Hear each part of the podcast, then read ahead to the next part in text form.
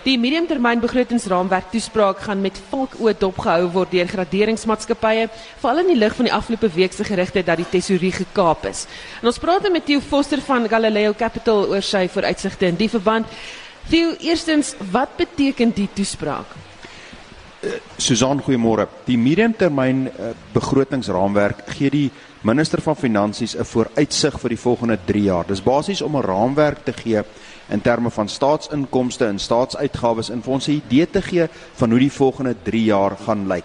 Dis dis die die die, die Trevor Manuel het in die laat 90's hierdie hierdie proses in plek gesit en die proses se uitgangspunt is om sekerheid te gee oor hoe die regering dink oor sy inkomste, oor sy uitgawes en dan vir die beleggingsmarkte en vir die verbruiker 'n raamwerk te gee van hoe die regering sy inkomste en uitgawes sien. So dis amper 'n vooruitskouing. Dit is nie baie detail beleid nie. Dis byvoorbeeld nie gewoonlik enige verandering in belasting of spesifieke veranderinge in in in begroting nie. Dis 'n opdatering van die begroting en dan 'n raamwerk vir die volgende paar jaar. En die doelwit is spesifiek 'n bietjie meer sekerheid sodat mense kan besluite neem en dat dat dat beleggers en graderingsagentskappe presies weet hoe lyk die regering se patroon vorentoe. Voor ons nou gesels oor, jy weet die res van hierdie toespraak, ons moet vra, is tesorie gekaap? Wel, ek dink 'n mens moet baie versigtig wees om te sê tesorie is gekaap. Um op hierdie stadium is die sover ek kan aflei is daar baie gerugte daarvan, maar as jy praat met die mense in tesorie, dan word die departement steeds soos 'n oordentlike departement met tegnokrate bestuur en beheer wat 'n mens graag wil hê. Onthou die departement maak 'n maak 'n voorstel die die die die die die tegnokrate of die mense wat regtig die werk doen, ehm um, sit 'n basiese beleidsraamwerk saam en gee dit dan aan die minister. Die minister kom dan met sekere kommentaar of seker veranderlikes terug na die departement toe en so volg die proses. En ons is nou in die middel van hierdie proses. Maar om te sê dis gekaap, ek dink dit is daar is tekens dat dat dat daar 'n invloed probeer uitgeoefen word, maar ek moet eerlikwaar sê, daar is geen harde feite wat vir my sê dat is gekaap en ek dink dit is deel hoekom hierdie so belangrik is. Inteendeel, daar's meer aanduidings dat minister Malusi Gigaba en ons het 'n baie kort gee. In Februarie is ons begroting gelewer deur Pravin Gordhan. Dit dit voel soos 'n ander leeftyd. Malusi Gigaba wil lyk dit daar's al meer aanduidings dat hy wil homself amper wys of die pos is besig om in 'n sekere manier in te druk. Want dit is nie die tipe pos wat jy kan rondpraat nie. Dit gaan oor inkomste, uitgawes, begrotings, beleggings, lenings, rentekoerse, daai klas van goed. Daar's nie veel beweegruimte om allerlei snaakse goed te probeer en dis ook spesifiek wat die markte wil sien. Ons wil sien dat daar steeds rasionaliteit aan die dag gelê word dat hierdie konservatiewe um, rasionele beplande um, weldeurdagte beleidsraamwerk wat ons tot nou toe het, dat dit in plek bly en dat ons nie na een of ander populistiese ehm um, 'n uh, korttermyn doelwitte probeer nastreef, maar eerder bly by die tipe proses wat ons nog altyd gehad het. Mm. So, ehm um, dit is so knap vir die ANC se verkiesingskonferensie in Desember. Watter impak dink jy gaan dit hê? Wel, ek dink dit is dis in effek die laaste begroting wat wat as alles vir ons plan gaan wat beide wat wat president Jacob Zuma die president van die land en van die ANC is amper die laaste keer wat ons dit sien maar ek dink hier's 'n ander groter probleem agter hierdie en dit is in Februarie is daar 'n sekere doelwit gestel vir ekonomiese groei en die regering het op daai stadium het die minister verwag dat die ekonomie hierdie jaar met 1.3% gaan groei en volgende jaar met 2%. Hierdie jaar se 1.3 gaan nog glad nie naby by uitkom nie. Inteendeel, ons gaan baie nader aan 'n half persent wees. Volgende jaar se 2% gaan ons ook nie by uitkom nie. Ons gaan nader aan 1% wees. So dit beteken as die ekonomie stadiger groei, beteken dit die belastinginkomste van die staat is minder. Nou op hierdie stadium lyk dit of die staat tussen 30 en 50 miljard rand minder gaan inkry. Nou moet jy jouself afvra, die staat het 'n uitgawepatroon wat gebaseer is op hierdie inkomste. Nou is hier 'n gat in die inkomste. Net om dit in perspektief te sit, Die staat se totale inkomste waarvoor hulle begroot het was so 1.26 trilljoen rand. 50 miljard daaruit is nogal baie wat jy nou nie het nie. Nou moet jy gaan sê, moet jy jou uitgawes terugsny? Gaan jy belasting opsit om hierdie terug te kry? Gaan jy die geld leen?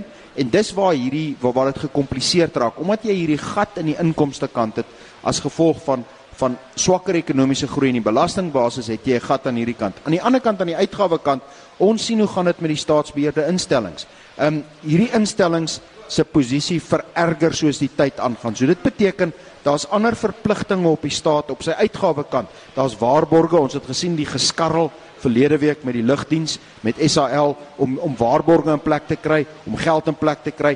Nou begin jy hierdie uitgawekant lol, die inkomste kant is af en waar sit die minister? Die minister sit in die middel en moet sê hoe hulle hierdie goed bymekaar gaan uitkry. So daar's beduidende uitdagings en dis hoekom die vraag of ons gaan bly by rasionele, weldeurdagte beleid of gaan ons een of ander meer populistiese siening begin kry uh, wat wat 'n mens uiteindelik jou nie by 'n punt gaan uitbring nie. Net so laastens, um so waarna moet ek en die luisteraar daar buite dan nou luister wanneer hierdie toespraak plaasvind om vir ons 'n aanduiding gee van die begrotingsrede in 2018?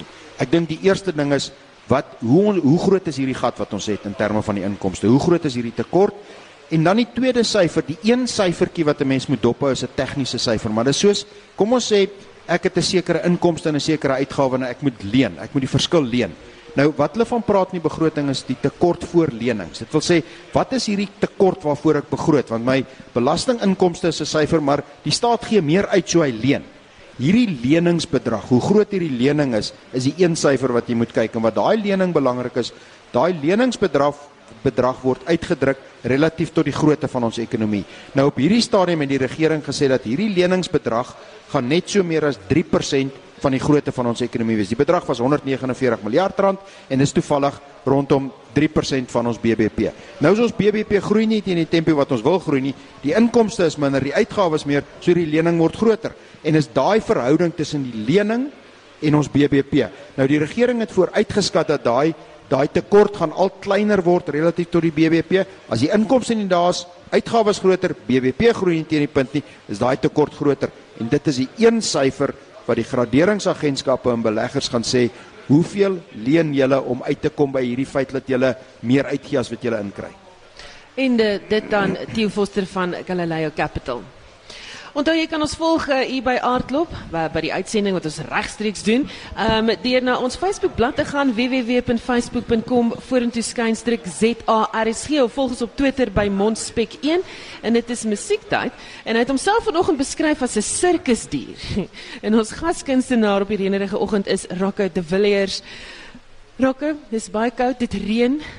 Waarin gaan jy optree vandag? Um ek is by Aardklop vir twee konserte. Ons het gister 'n konsert gehad in Middelpark. Dis my nuwe album wat wat al die gesange is waarmee ons groot geword het. En dan het ons vandag nog een een konsert wat baie vol is. Ek dink daar's nog 'n paar plekke oor en dan is ek weg in en uit. Ooh, nou jy sommer net 'n interessantheid. Jy het pas jou 108ste ouetehuis besoek. Vertel ons van hierdie projek. Um dit dis my enigste liefdadigheid wat ek doen. Um dit het gebeur so 'n paar jaar gelede toe ek gevra was om om na ouete huis toe te gaan om net 'n paar liedjies te gaan speel.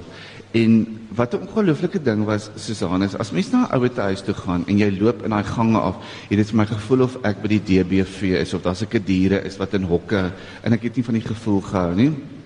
En ek het nooit so gevoel oor ou mense toe ek jonk was nie, maar nou dat ek self ouer word, daar's iets omtrent ou mense wat my fascineer en wat my wat my verskriklik erg is is die ons leef ons maar in 'n wêreld waar ons hou van jonk, mooi en seksie en blond. En dan gebruik ons daai jong mense vir hulle breinkrag, vir hulle liggame om die volgende generasie letterlik te maak.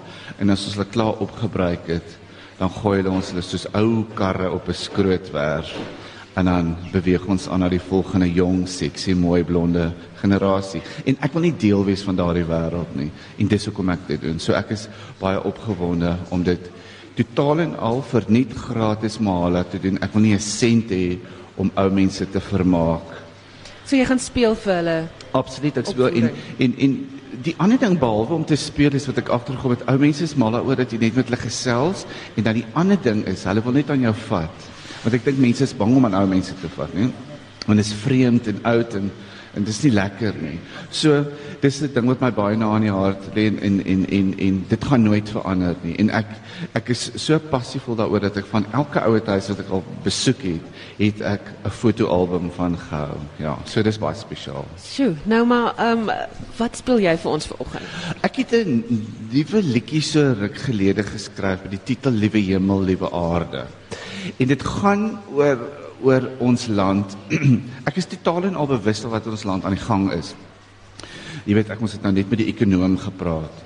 Um en dat dinge nou nie so lekker gaan hier soos wat ons dink dit gaan nie of ons weet dit gaan net maar partykeer maak ons of ons eintlik beter gaan maar ek dink ook die hele wêreld op die oomblik is bietjie 'n probleem of jy nou dollar rand of die yen het almal is bietjie bekommerd daaroor. Dis skryf ek hierdie stuk musiek liewe hemel liewe aarde want ek dink ten spyte van alles wat in ons land aangaan. Ek sien die hele land elke jaar 127 konserte.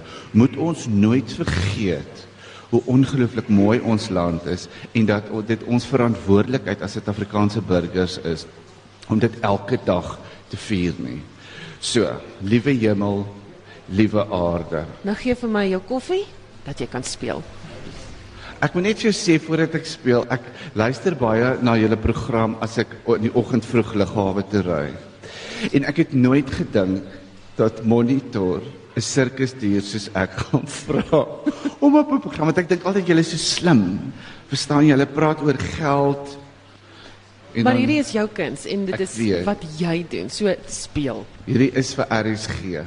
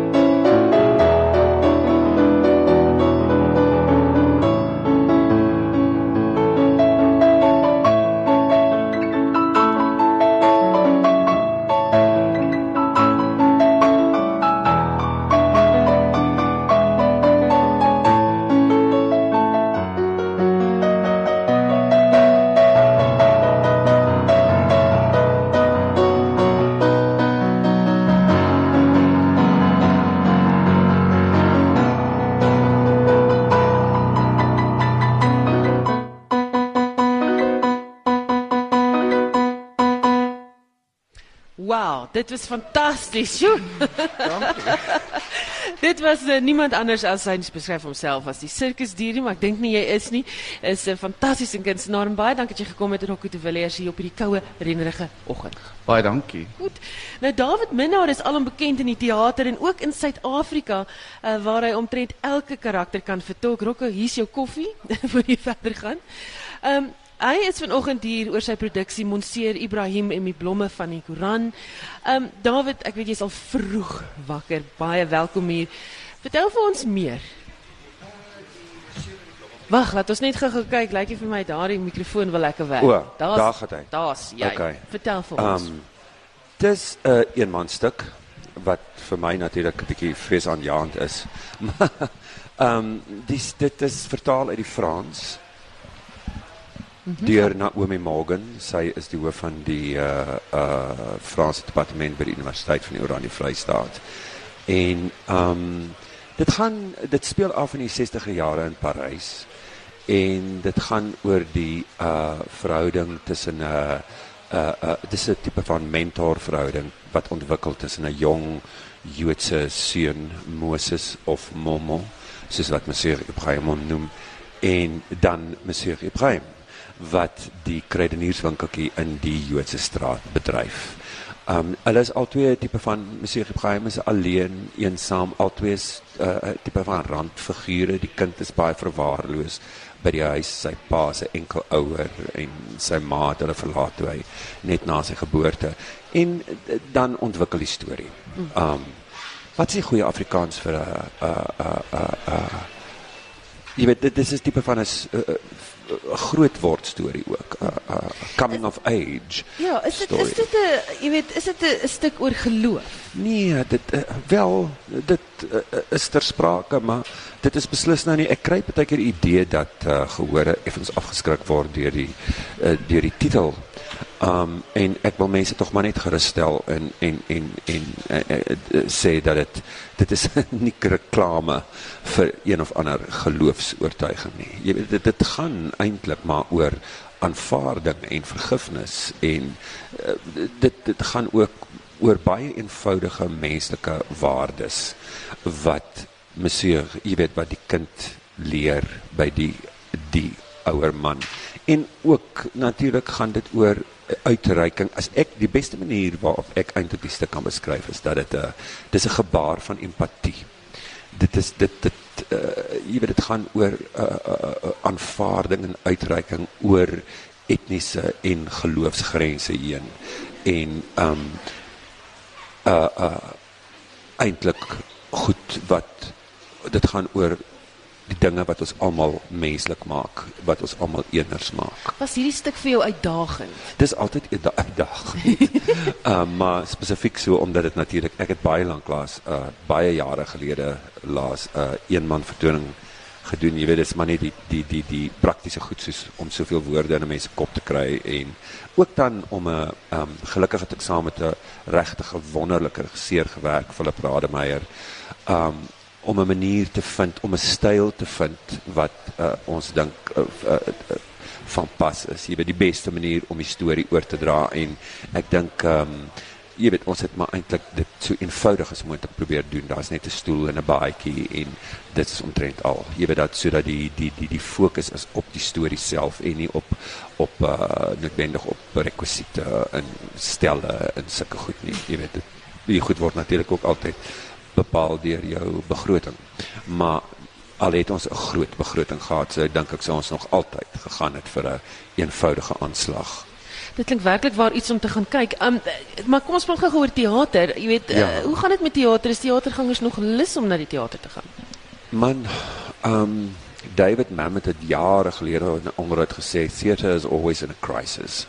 En dit is maar so, jy weet, ek ek weet daai vraag kon jy vir my 30 jaar gelede gevra het en die antwoord sou nog steeds dieselfde gewees het. Ek dink dis moeilik hier want ek ons het nie noodwendige teaterkultuur in die land nie.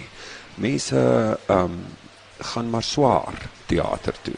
Dit bly maar op 'n manier 'n tipe van 'n niche uh, aktiwiteit. uh uh um, so ek meen mense bly dankbaar vir die mense wat nog steeds teater bywoon en jy weet deesdae is mense ondervinding hoofsaaklik maar op die feeste.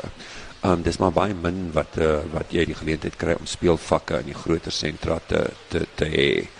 Um so ja, mense gaan nog teater toe, maar dit dit dit nie regtig drasties verander van 20 jaar gelede nie. Mense verkies maar, jy weet mense uh, verkies maar ligte vermaak of musiek bly speel en sulke goeters. Baie dankie, David Minnar wat ons gepraat het vanoggend.